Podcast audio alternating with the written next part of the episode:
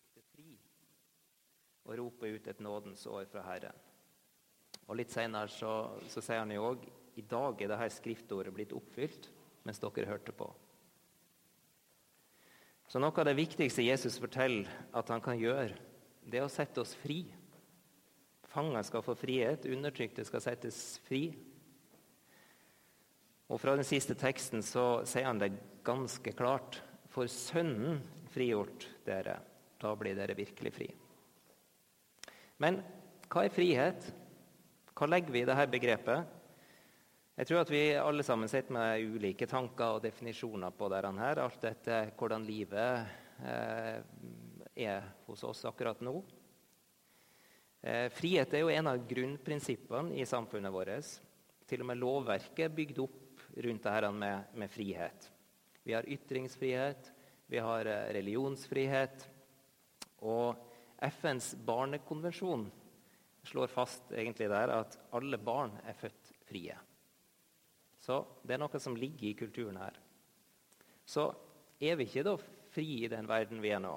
Hvorfor sier Jesus at han skal sette oss fri? I teksten her så ser vi at det var til mennesker som trodde på Jesus, som han kom det, med dette budskapet til. Det var de jødene som hadde begynt å følge etter Jesus og hørte på han, som fikk denne utfordringa. Og hva gjorde de? Jo, de mente jo absolutt at de ikke var bundet av noen eller noe. De var frie. De sa jo her vi er Abrahams ett og har aldri vært slaver for noen. Men det var vel egentlig ikke helt sant, for israelsfolket hadde opplevd mange perioder med nasjonale fangeskap. De var jo virkelig slaver i Egypt, og hele folket ble jo senere bortført til Babylonia. Eh, og de var, nå I denne tida så var de under okkupasjon eh, av det romerske riket. Så politisk og nasjonalt så var de nokså ufri på den tida. Men det var nok ikke det herren som eh, den politiske ufriheten som Jesus hadde i tankene. For det Jesus sa, det provoserte de veldig, ganske kraftig i hvert fall. Så til slutt så fant de hvis du leser litt lenger ned i teksten, så fant de steiner og vil steine Jesus. Ta livet av han. Kanskje provoserer ikke Jesus sine ord oss på samme måte, men vi har liksom litt lett for å tenke at ja, vi er jo ikke bundet av noen ting. Vi er frie, vi òg. Men jeg tror at vi kan eh, lettere eh, se på det her med frihet og ufrihet eh, med å se at friheten er en kontrast til noe. Og Jeg tror at vi alle kjenner på ting i livet vårt som kjenner at vi begrenses på ulike måter eh, som vi ikke ønsker det. Jesus sier jo ganske klart der den som gjør synd, er slave under synd. Synda kan binde oss. Det er noe som hindrer oss i å leve det livet vi var skapt til. Ordet, men, men det her med ordet synd det bruker vi kanskje ikke så mye om det som binder oss direkte. I Gammeltestamentet så ble ordet synd brukt til mer sånn eh, lovbrudd og det at en ikke fulgte Moseloven. Eh, I Det nye testamentet, når Jesus snakker om synd, så er grunnbetydningen ofte det å bomme på målet det å ta feil av veien, det å forlate den rette veien og gå en annen vei, det å snu seg vekk.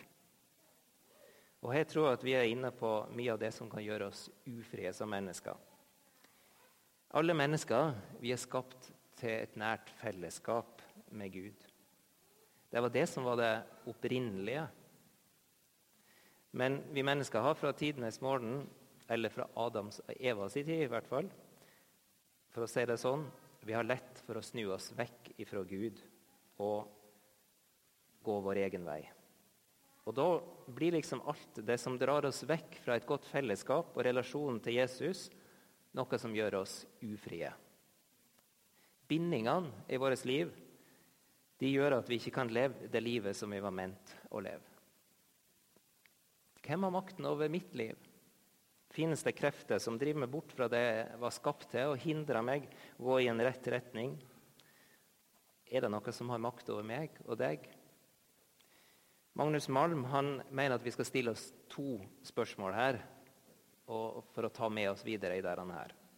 Det første er er det noe som trekker meg dit jeg ikke vil.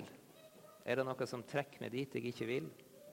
Og det andre er er det noe som hindrer meg i å gjøre det jeg inne, innerst inne ønsker? Er det noe som hindrer meg der? Her er vi alle forskjellige, som jeg nevnte, og, og forskjellige ting dukker opp i, i, tankene våre. Jeg skal ikke gå gjennom alt det som kan binde oss, men jeg skal trekke noen eh, ting fram her. Noe som bl.a. Jesus eh, trekker fram. I bergpreken så trekker Jesus særlig to ting fram som områder eller krefter som konkurrerer med Guds herredømme over oss. Det ene det er penger, rikdom. Og det andre er det hva andre folk tenker om oss. Områder som jeg tror alle vi kan kjenne oss igjen på en eller annen måte. I Matteus 6, 24 så står det ingen kan tjene to herrer. Han vil hate den ene og elske den andre, eller holde seg til den ene og forakte den andre. Dere kan ikke tjene både Gud og mammon. Mammon som et uttrykk for de markedskreftene som, som, påvirker oss. Alt fra det stadige jaget etter mere ting, nye modeller av ulike produkt. De her markedskreftene som får oss til å tro at vi blir lykkelige og fri når vi har skaffa oss det og det. Jeg tror at mange av oss lett kan bli lurt. Vi har lett for å klamre oss fast til det vi eier og har, og det som vi bygger vår identitet på der.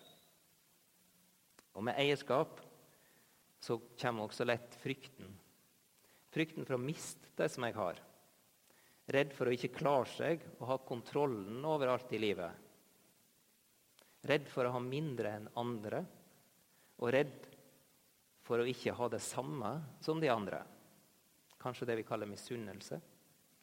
Rikdom og penger er jo egentlig ikke galt i seg sjøl, men det har lett for å sette fokus i en gal retning. For Jesus sier òg For hvor skatten deres er, der vil også hjertet være. Jesus kommer også med en sterk advarsel om å la tankene våre være preget av hva andre tenker om oss. Det er litt på det samme måte som penger og rikdom har en sterk evne til å binde oss. I Matteus 6 så sier, eh, Matteus, nei, så sier Jesus i bergprekenen Pass dere for å gjøre gode gjerninger på øynene på folk, for å bli sett av dem. Og Så kommer han med flere konkrete eksempler fra, fra folk i deres hverdag der.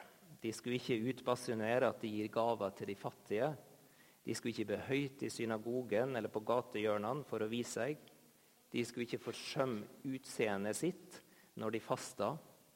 Alle ting som gjorde for at folk skulle, skulle se dem eller se oss. Og Hadde Jesus gått her i dag, så hadde han sikkert kommet med andre eksempler eh, det vi kan kjenne oss igjen i mer. Men vi har lett for å bygge vår identitet eh, på hva andre tenker om oss, og la det eh, binde oss uten at vi helt er bevisst og klare over det. Vi fristes til å bygge vår identitet med byggesteiner i form av gode kvalifikasjoner, tjeneste for andre og respons fra omgivelsene. Vi er avhengige av en bekreftelse og at noen ser oss. Det er menneskelig. Men hvis hele vår identitet, den verdien som jeg tror om meg sjøl, bare bygges med å søke bekreftelse hos andre, så vil jeg ikke være fri. Det blir som om andre hindrer meg. Og her kom nok vår evne til å sammenligne oss med andre inn. Den evnen har ikke akkurat eh, evne til å bygge opp eh, selvbildet hos oss. Der var to områder som Jesus fremhevet. Eh, hvis vi leser videre i Bibelen, så eh, har apostelen Paulus en del ting som han òg kommer med, som kan eh, binde oss. Og Hvis vi går tilbake til Magnus Malm, så deler han det her ofte opp i tre sånne ulike områder som kan binde oss. Det ene er kroppen og legemet. Det andre er verden, og den tredje er den åndelige verden Jeg skal gå bitte litt eh, gjennom det. her. Den kroppen og legemet det han sier først, det er liksom den, alt det personlige som binder oss. mellommenneskelige relasjoner eller mangel på sånne. Her er noen eksempler.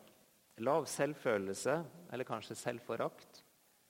Det å føle at en ikke har noe å komme med, kjenne at en aldri strekker til, kjenne seg underlegen. Sår, skuffelser og tap. Mennesker som skuffa oss.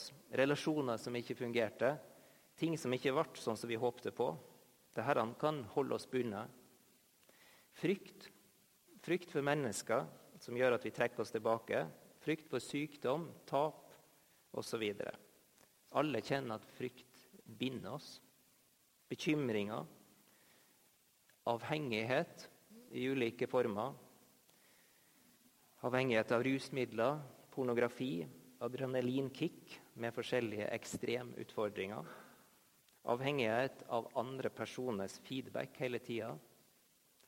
Liker klikk på sosiale medier. Så det er den andre delen, verden. Og Hellig alt det som er utenfor vår personlige plan. Det offentlige rommet, de politiske, de økonomiske og, og de religiøse eh, systemene rundt oss. Og Hvis vi skal være liksom konkret på det der, så tror jeg at vi må trekke fram f.eks. jobben vår. Eh, vårt økonomiske liv. Internett. Sosiale medier.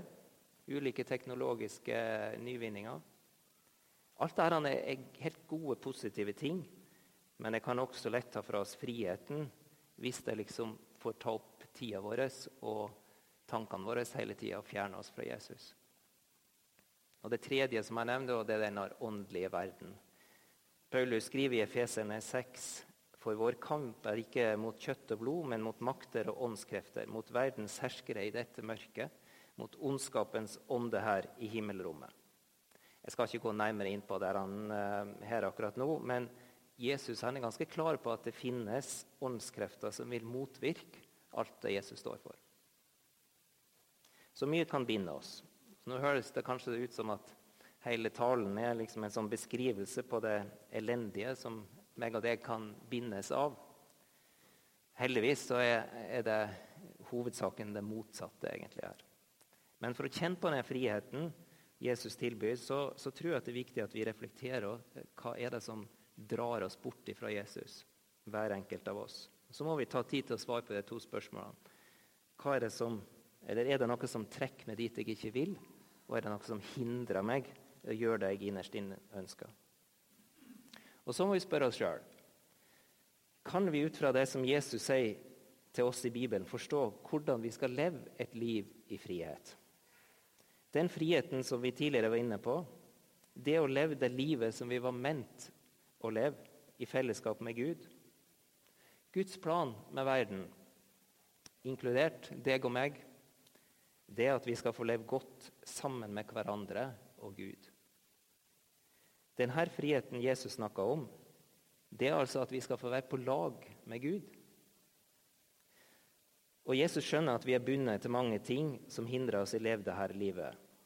Hva sier han? Vi las det her. Hvis dere blir i mitt ord, er dere virkelig mine disipler. Da skal dere kjenne sannheten, og sannheten skal gjøre dere fri. Og Litt senere så står det òg 'For Sønnen frigjort dere'. Da blir dere virkelig fri. Det ser ut som det er liksom en sånn sammenheng mellom det å være fri og det å være disippel. Vi alle mennesker vi er kalt til å være Jesus sine disipler. Det siste Jesus gjorde før han fysisk forlot jorda, det var å gi et oppdrag til sine første disipler der om at de skulle gå ut og gjøre alle folkeslag til disipler, som det står.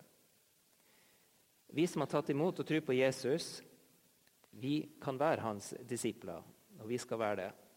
Enten du er ung eller gammel, om du er ny på kristenveien, for å si det sånn, eller gammel, så kan vi være hans disipler.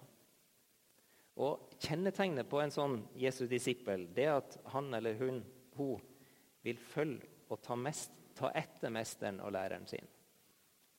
Så en, en sånn disippel kan ofte sammenlignes med det å være lærling som følger en god læremester.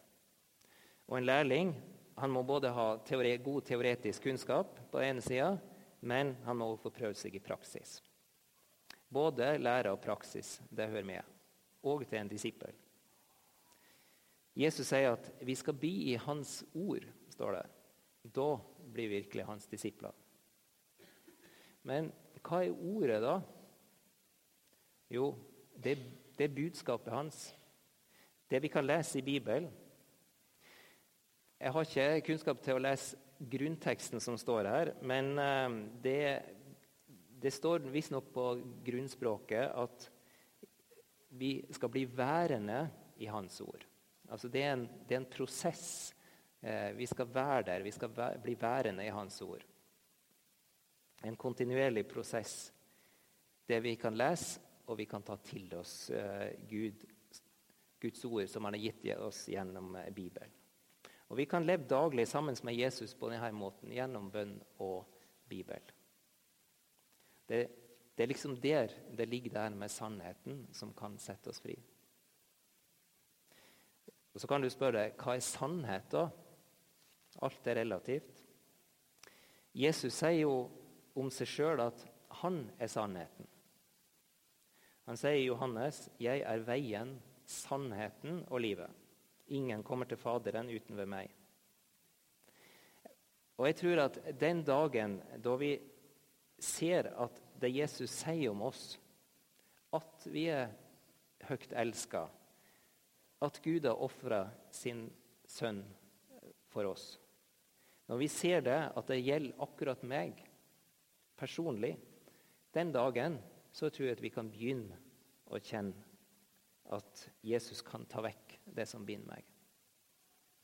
Sannheten er at Gud er så uendelig glad i deg at han vil komme i møte med deg når du snur deg til han, når du vil være hans disippel og bli værende i hans ord.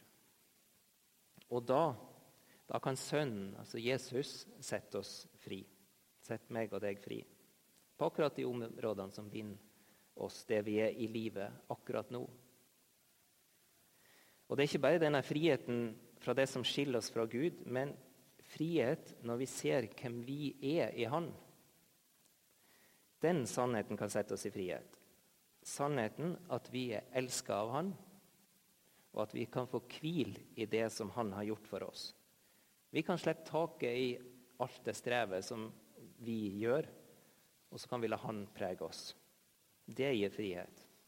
Frihet til å være den jeg er skapt til og frihet til å tjene hverandre med alle de evnene og de anlegg og de interessene som hver enkelt av oss har. Og Her er vi litt inn på det som jeg var tidligere på, det her med paradokset der. Jesus har kalt oss til et liv i frihet uten å være bundet av ulike ting, samtidig som han inviterer oss til å følge han som disippel og bli daglig knyttet til han. Vi er helt avhengige av han. Ja, Paulus skriver, det, skriver at han blir ett med Jesus. I Galaterne 20 så leser vi jeg lever ikke lenger selv, men Kristus lever i meg. Det livet jeg lever nå på jorden, det lever jeg i troen på Guds sønn, som elsket meg og gav seg selv for meg. Altså fri til å leve livet, men bundet til Jesus, avhengig av han. Så kan du sikkert tenke at Det høres jo helt komplisert ut. av den her det å forstå at vi er fri i Jesus. Og Det kan jo høres som om det er noe spesielt vi må gjøre for å bli fri. Noe vi må prestere. Men jeg tror at da har vi misforstått hans budskap. Og kanskje mine ord kan eh, forkludre litt av det budskapet her. For egentlig så tror jeg det koker ned til at, Jesus, at vi lar Jesus slippe inn i vårt liv. At jeg velger å tro på han, at jeg åpner opp for han, og lar han få begynne å prege meg gjennom det vi kaller disippelskap. Det er da forandring kan skje. Jeg kan ikke ta meg sammen og prøve å frigjøre meg sjøl. Det har jeg prøvd mange ganger uten å lykkes. Jesus er ganske klar på at i oss sjøl kan vi ikke stille opp med noen ting. Så da står det kun igjen å stå der og ta imot. Og så skal jeg minne dere om et vers fra bergpreken igjen der. Matteus 5, 3. Salige er de som er fattige i ånden, for himmelriket er deres. Ser dere det? Det er bare de fattige, altså de som ikke har noe sjøl å komme med. De som er tomme. De som ikke har noe, det er de som kan ta imot. Det, det er sånn det fungerer. Vi har ingenting i oss sjøl, og da kan vi stå der og få av Han. Og Jesus sa det òg når han samla de første disiplene her, eh, sine. Kom og følg meg, så vil jeg gjøre dere til menneskefiskere. Eller disipler, kan vi bruke ordet. Jesus søkte ikke etter kvalifiserte personer som hadde noe å komme. Nei, det eneste vi trenger å gjøre, det er å komme til han og følge han. Og så har han sagt at han skal gjøre oss til disipler. Vårt arbeid er å komme til han, så skal han gjøre resten. Det kan sette oss i frihet. Så er det kanskje sånn at en del av dere har hørt historier eller kjenner noen som har blitt totalt forandra etter et møte med Jesus. Eller lengter at dette kan skje i ditt eget liv. Så er det noen som òg har hørt forkynnelse som proklamerer med en sånn total og spontan eh, befrielse, men kan sitte igjen med en skuffelse istedenfor håp for at det skjedde jo ikke noen ting med meg. Jeg tror at Gud er større enn det jeg kan tenke, og kan gripe inn i livet til noen på en spesiell og plutselig måte. Mange har f.eks. gjennom Alfa her i menigheten fått eh, oppleve store ting. Og Jeg leste sist i Vårt Land i går eh, om en, en del eh, som rusmisbrukere som eh, ble virkelig satt fri Eh, så det kan skje. Men i hovedsak så tror jeg oftest at dette ikke skjer liksom sånn over natta. og at det er sjelden at det blir en sånn quick fix-greie. Jeg tror på en vandring gjennom livet med Jesus, der vi i hverdagen lar han få lov til å prege oss. Så da kan forandring skje med oss. Så er det ikke alltid at vi kan forstå hvordan eller hvorfor Gud ikke gjør de her endringene vi ønsker her i livet. Livet blir mange ganger ikke sånn som vi ønsker eller ser for oss. Men Jesus han har lova å være med oss gjennom de dagene der òg. Og han lover å gå med oss. Det vet vi. De som eh, vil høre mer om det, Jeg kan kanskje høre eller lese talene til Lise tidligere i år, som eh, som tar opp dette temaet på en god måte. De finnes ute på hjemmesida vår. Så Jesus kan gi oss en frihet som gjelder gjennom hele livet, uansett hvordan dagene er. Så til slutt litt praktiske ting. Kanskje syns du det her, eh, som jeg snakka om, ble litt sånn diffus og store ord og uklart og svevende. Eh, disippelskap og vandring med Jesus da, jeg, eh, da, tror jeg vi skal gå tilbake til eh, de første kristne. Hvordan de gjorde det. For de var praktiske. Vi leser i eh, apostelgjerningene 2 der. De holdt seg trofast til apostlenes lære, til fellesskapet, til brødsbrytelsen og bønnene. Og det gjelder for oss i dag òg. Bruk litt tid med Bibelen. Gjerne med hjelp av en app eller noe lignende som kan hjelpe til å holde flyten.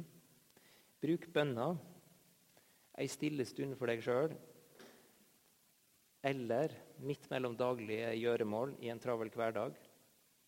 Bruk fellesskapet. Bruk hverandre. Snakk gjerne med noen som du har tillit til, om ting som du kjenner vanskelig. Eventuelt kontakt noen av pastorene her i menigheten. Dette er liksom konkrete ting som er prøvd før, og som virker. Vi går mot slutten av gudstjenesten nå, men eh, vi skal ta litt tid til lovsang og tilbedelse før vi slutter her. Svein Arne han vil lede oss i et par sanger der vi kan rett, få lov til å rette fokuset mot Gud. Samtidig så kan det være at du vil gi en respons eller vil dele ting med noen i forbønn etter det du har hørt i dag her under talen.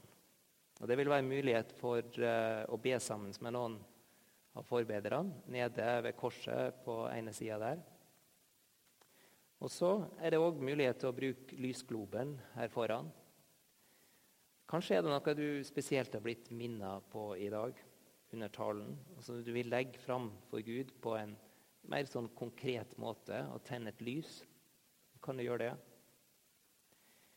Vi reiser oss, og så ber vi ei bønn før vi.